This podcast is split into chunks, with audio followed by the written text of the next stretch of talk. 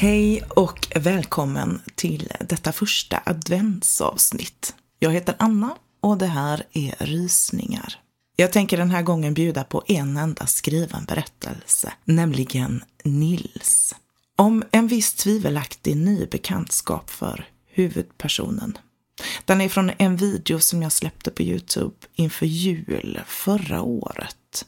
Jag tänker inte babbla så mycket mer om det, utan bara köra på. Så med berättelsen Nils önskar jag er alla en glad första advent.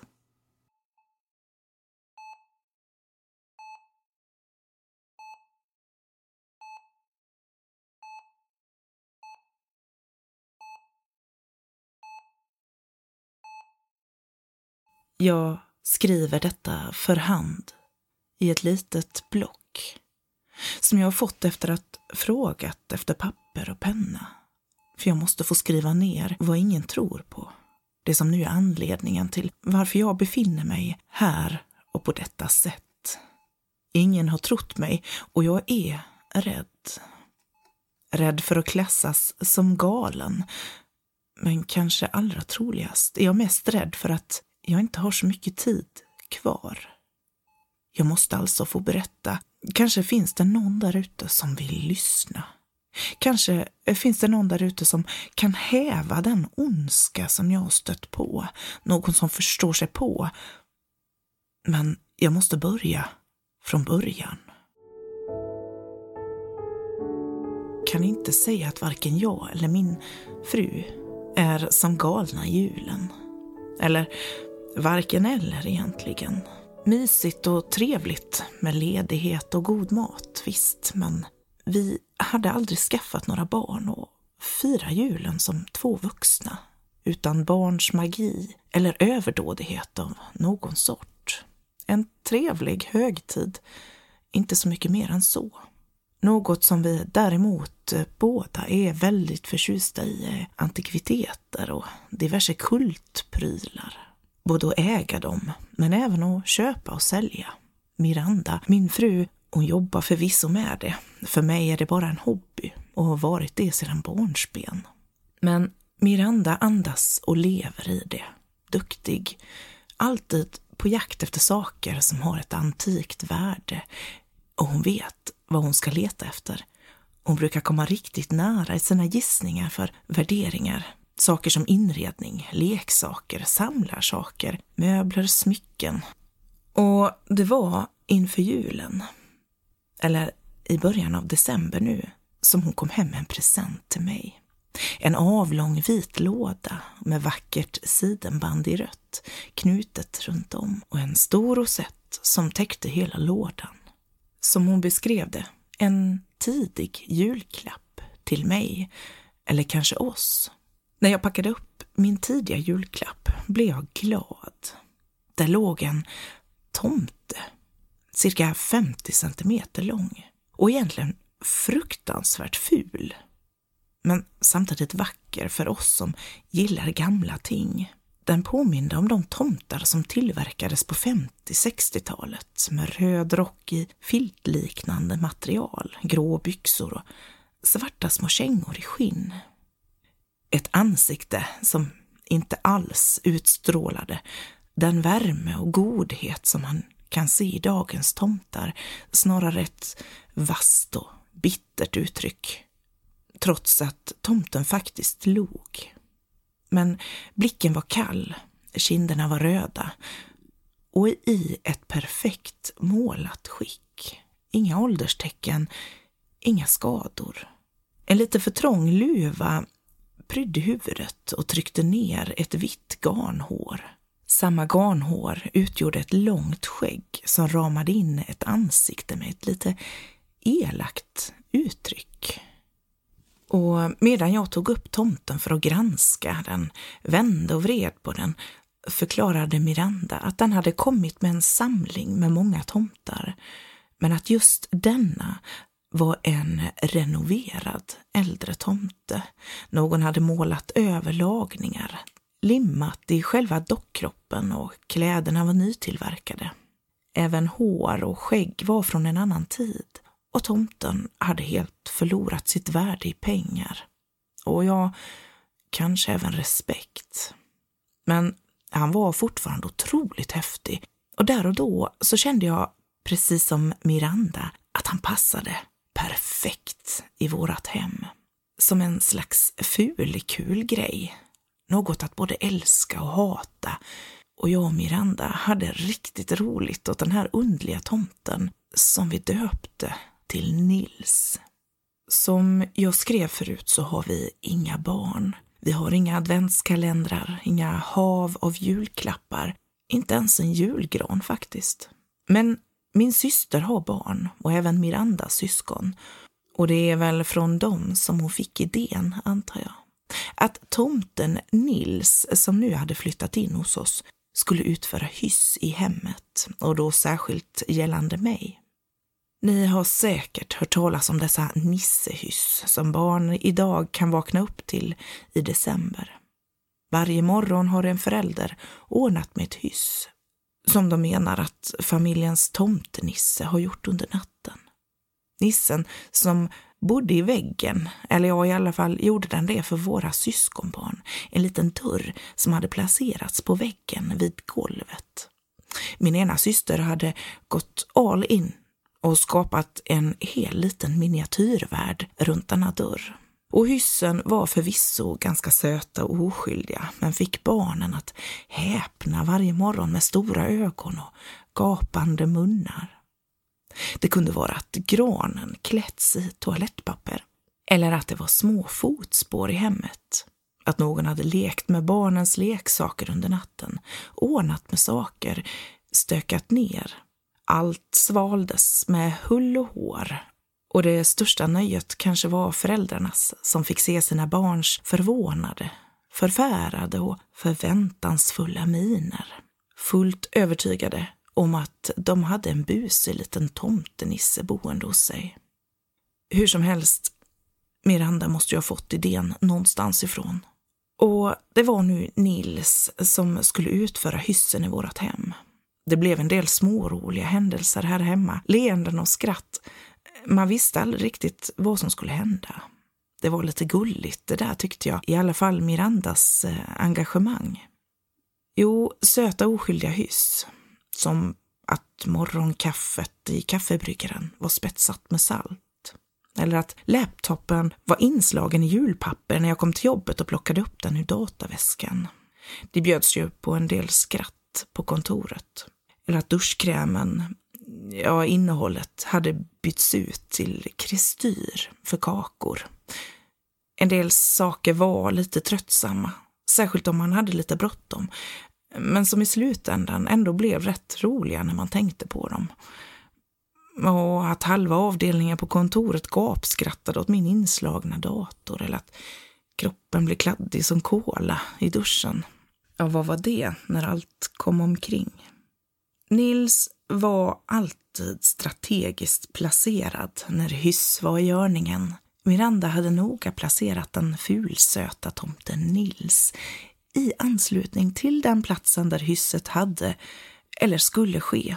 När egentligen Mirandas hyss slutade och det hela gick över till ren elakhet och dumhet var väl i mitten av december. Hyssen liksom ändrade karaktär. Eller ja, de söta små hyssen fortsatte, men det tillkom fler, lite mer obehagliga. Som att laddkabeln till telefonen var kapad en morgon när jag vaknade. Telefonen hade inte laddat och det skapade en del strul under dagen. Eller att batterierna till min väckarklocka var urtagna och jag försov mig en morgon. Tv-kontrollen som försvann spårlöst en dag fungerade inget av mina betalkort. Sådana små hyss eller dåliga skämt som störde och skapade oreda och kaos, de var inte speciellt roliga. Och när jag konfronterade Miranda med detta och bad henne att lägga av för att nu hade hon gått för långt, så nekade hon helt till detta. Men eftersom det bara fanns hon som hade kunnat göra detta så blev det flera gräl och otroligt dålig stämning här hemma. Vilket var väldigt trist. Miranda skulle iväg på en arbetsresa och komma hem först två dagar innan själva julafton. Vår spända stämning försökte vi släta över så gott det gick den dagen hon skulle resa. Men det hängde i luften och båda var lätt irriterade och trötta och smågrälen avlöste varandra konstant. Och det var när Miranda åkte som jag först började bli rädd för vad som skedde här hemma. I början tänkte jag nog att Miranda hade lejt någon för att fortsätta jävlas med mig.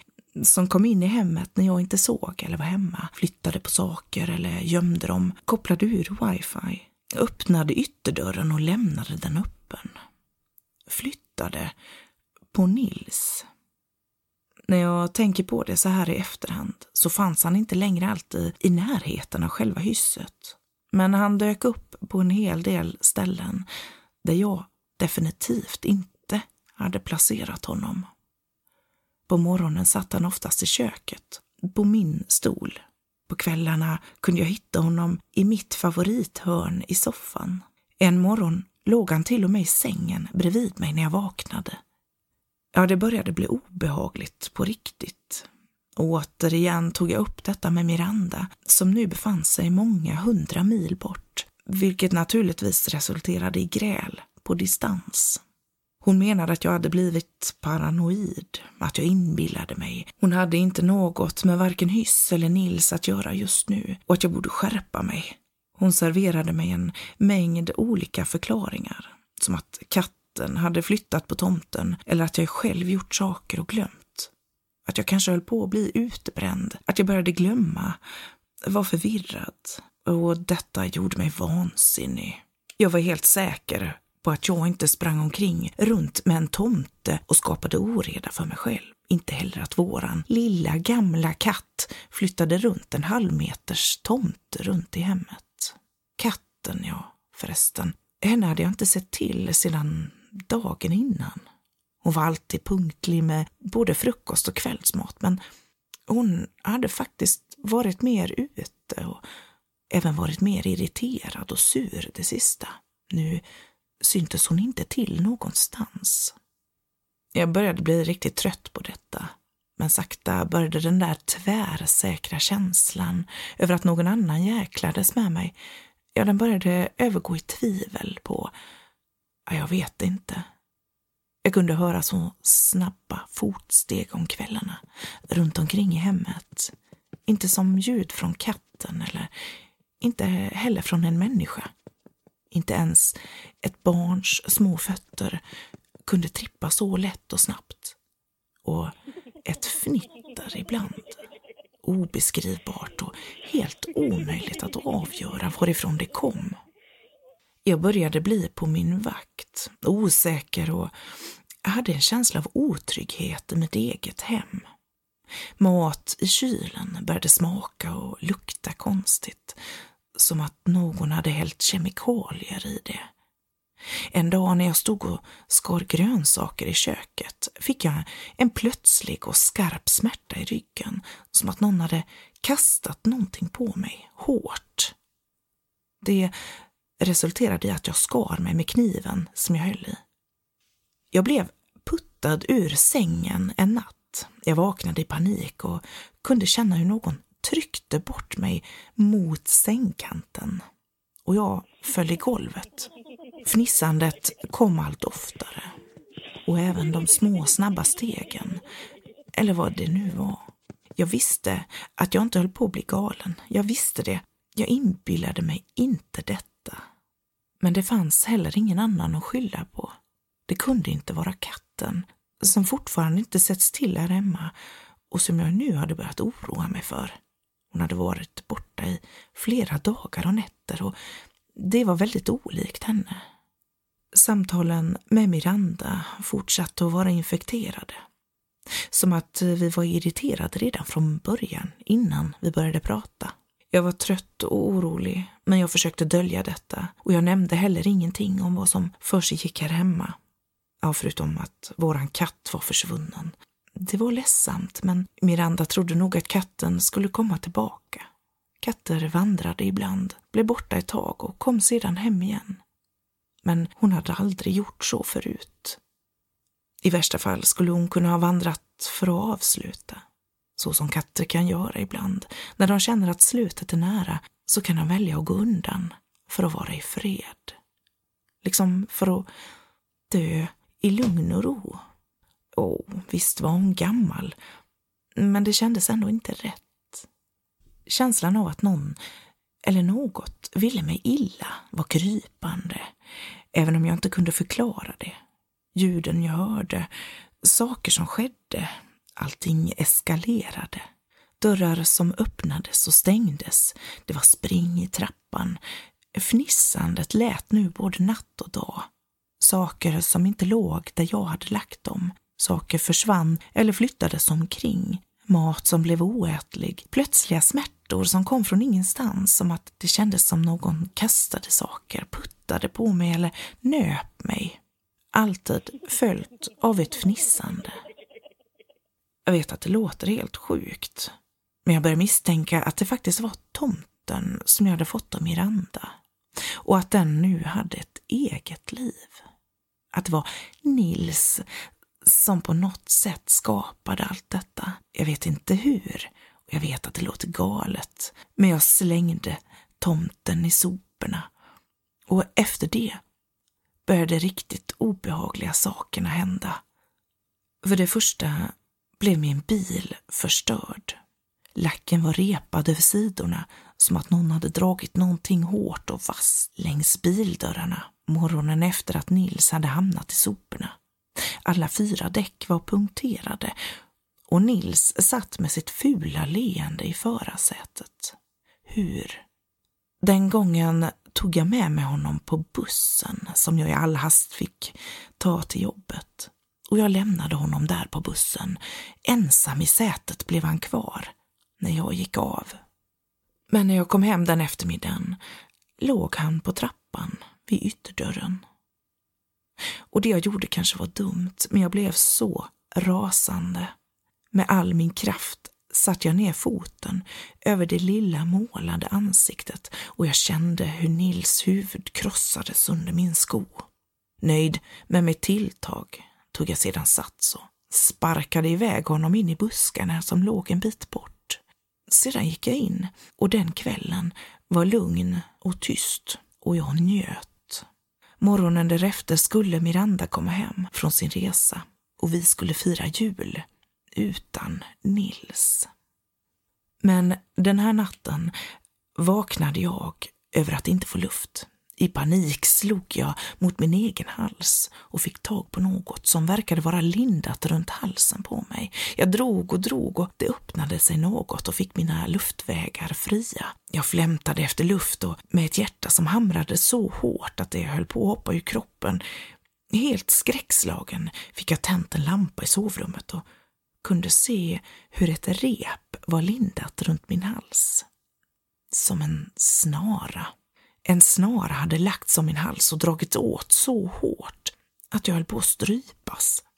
Repet, ett rep som jag kände mycket väl igen. Den kom från trädgården. Återigen hörde jag fnissandet och små, snabba steg som trippade bort från sovrummet. I min förvirring så ropade jag på Miranda, men fick inget svar. Hon var ju inte hemma än, naturligtvis samtidigt som min hals värkte både utifrån och inifrån och jag fortfarande andades med visst besvär och i betydligt snabbare takt än normalt så begav jag mig ner mot köket. Jag behövde vatten, hjärnan behövde klarna och försöka inse vad det är som händer.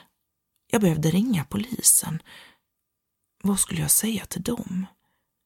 Hej, jag har en tomtedocka här hemma och den har vi döpt till Nils. Han försöker ta livet av mig och jag vill anmäla mordförsök och trakasserier. Jag måste klarna tankarna snabbt. Vad skulle jag ta mig till? Hur skulle jag fly detta eller få slut på det här? Hur skulle jag kunna skydda mig och Miranda när hon nu kommer hem? Vem skulle tro mig? När jag stapplande kom in i köket slog en lukt emot mig. En stank, någonting ruttet, någonting sötaktigt kväljande och jag såg hur dörren ner till källaren stod öppen. Det gjorde den aldrig. Den dörren var alltid stängd och låst.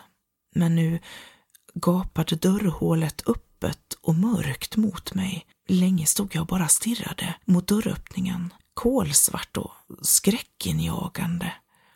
Jag tog ett par steg närmare. Jag hade svårt att få ihop allting av detta. Vad var det som skedde? Kanske var jag fortfarande i chock, skrämd av hur jag hade vaknat, vad jag hade upplevt, som en nära döden-upplevelse i panik. Kanske var jag inte ens vaken ordentligt. Lukten verkade komma från den mörka källaren. Varje steg jag tog närmare så förstärktes den vidriga lukten som fick magen att vilja vända sig, men när jag fortsatte sakta ändå. Bara några decimeter från dörröppningen började en lång trappa med branta steg ner mot källaren. Många gånger har vi konstaterat hur farlig den här trappan var och just därför hölls dörren både stängd och låst. Men eh, visste man om hur farlig trappan var och med tänt ljus och stor försiktighet så gick det fint att använda både trappan och källaren, mm, även om vi inte gjorde det så ofta. Så jag tände ljuset när jag väl nått dörröppningen, medan jag höll andan i den stank som omgav mig. Ljuset blinkade till ett par gånger och jag flämtade till. Längst ner, på källargolvet, låg en liten hög av päls och brunaktigt torkat kladd. I mitten av den lilla kattkroppen satt en kniv. Det var härifrån lukten kom. Det var här som katten hade varit död. Eller dödad. Sedan minns jag bara knuffen i ryggen. En hård som, som en spark som fick mig att förlora all balans och efter det allting svart.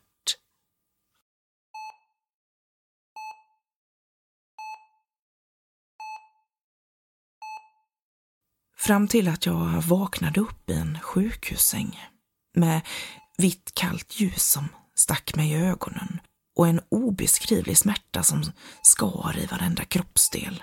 Förvirrat försökte jag se mig omkring men kroppen lydde inte. De första dagarna var som i en dimma. Jag vaknade, somnade, kved av smärta, förvirrad, trött, rädd, avdomnad. Gick jag in och ut ur medvetande. Säkert påverkad av både läkemedel, tillstånd och smärta. Jag minns att ansikten kom lutande över mig, mumlande tal, stickande ljus, smärta, smärta och mer smärta. Men så minns jag också Mirandas vackra ansikte, sammanbiten min, rödgråtna ögon och en orolig blick. Idag har det klarnat lite. Hjärnan har vaknat. Jag har fått förklarat, eh, både från sjukhuspersonalen och Miranda, hur hon hade hittat mig på golvet i källaren när hon kom hem, bredvid våran katt. Jag hade fallit ner från trapporna. Min kropp har nu flera frakturer. Både benen är brutna på flera ställen och en av mina skuldror är helt krossad. Min käke har slagits ur led och jag har förlorat flera tänder. Jag har dessutom bitit mig så hårt i tungan i fallet att den nu endast var ett stort sår. Svullen och trasig gör den det omöjligt för mig att tala. Flera reben är av och en del fingrar är brutna. Två lättare hjärnblödningar har de hittat och höften har fått sig en spricka.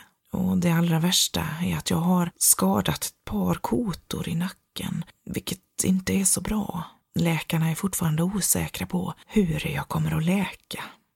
Men här ligger jag nu, gipsad i både en arm och bägge benen, blåslagen, sårig och mörbultad, med en ställning som en krage i metall runt halsen, helt oförmögen att röra på i stort sett hela kroppen.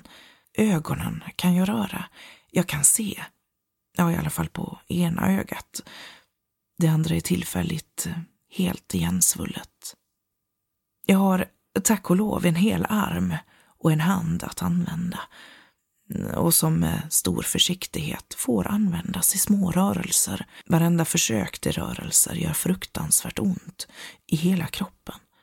Jag gör bäst i att ligga helt still. Maskiner piper intill mig.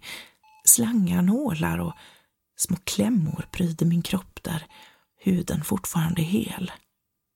Pipandet i takt med mina hjärtslag gör mig faktiskt lugn det talar ju faktiskt om att jag lever. Men tidigare på förmiddagen idag, när Miranda var här, så satt hon vid min sida och grät. Hon hulkade och frågade mig om och om igen. Varför? Varför hade jag skadat mig själv? Varför hade jag försökt att hänga mig med en snara? Ja, hon hade hittat den i sovrummet och döma av blånader runt min hals och ja, varför hade jag kastat mig ut för trapporna? Varför hade jag gjort illa katten? Jag behövde hjälp, sa hon. Jag var sjuk. Och det fanns hjälp att få. Jag skulle bara läka rent kroppsligt lite till först, sedan skulle hon se till att jag fick hjälp. Herregud, hon trodde att det var jag som hade gjort allt detta. Tanken var hisnande och helt fruktansvärd. Att hon ens trodde någonting sånt, det gjorde mig rädd och förbannad. Vilket gav mig en del kraft. Jag försökte visa med handen att jag ville skriva, med en penna. Det tog en stund för henne att förstå, men till slut kunde hon ordna fram med både papper och penna, där jag kunde klottra ner ordet block. Jag skulle fasiken få göra min röst hörd tala om att jag var helt oskyldig. Nu har det gått flera timmar. Miranda åkte ifrån mig. Hon åkte hem och hämtade ett par saker till mig. Block och se till att jag hade pennor nog så att jag kunde skriva. Och skrivit har jag gjort sedan dess. Det är svårt för det verkar. Jag ser inte tydligt vad jag skriver. Kroppen är lam och fastlåst i ställningar eller gips. Men jag har lyckats få hjälp med att få upp huvudändan på sängen, vilket gör det möjligt. Men nu när jag har fått ner det mesta och det mest relevanta för att friskriva mig från vad som faktiskt har hänt, ja, det var det som var min tanke från början i alla fall. Men nu känns det kanske mer som att det behövs ett avsked. För när Miranda kom tillbaka med blocket för mig att skriva i hade hon även med sig något annat. Hon kom bärandes på Nils. Den förbannade tomten placerade hon mitt emellan mina fötter, sittande med sin lilla rygg mot sängens fotgavel, så att han stirrade rätt upp på mig. Hon förstod inte alls min skräckslagna blick, utan skrattade lite milt och sa att tomten Nils kanske kunde sitta här och hålla mig sällskap påminna om våra fina stunder, glada stunder och hjälpa till med läkande och ge positiva tankar. Sedan gick hon. Hon var så ledsen, jag förstod det. Kvar finns nu ljudet av maskinerna, mätandet av tryck och puls och syreupptag, mina hjärtslag. Och jag måste få förklara att nu är jag rädd för livet. Längst ner i min sjuksäng sitter nu Nils och stirrar på mig. Han har inga krossskador från när jag krossade hans huvud med min sko. Ingen synlig smuts från att han legat både i sopor och i buskarna.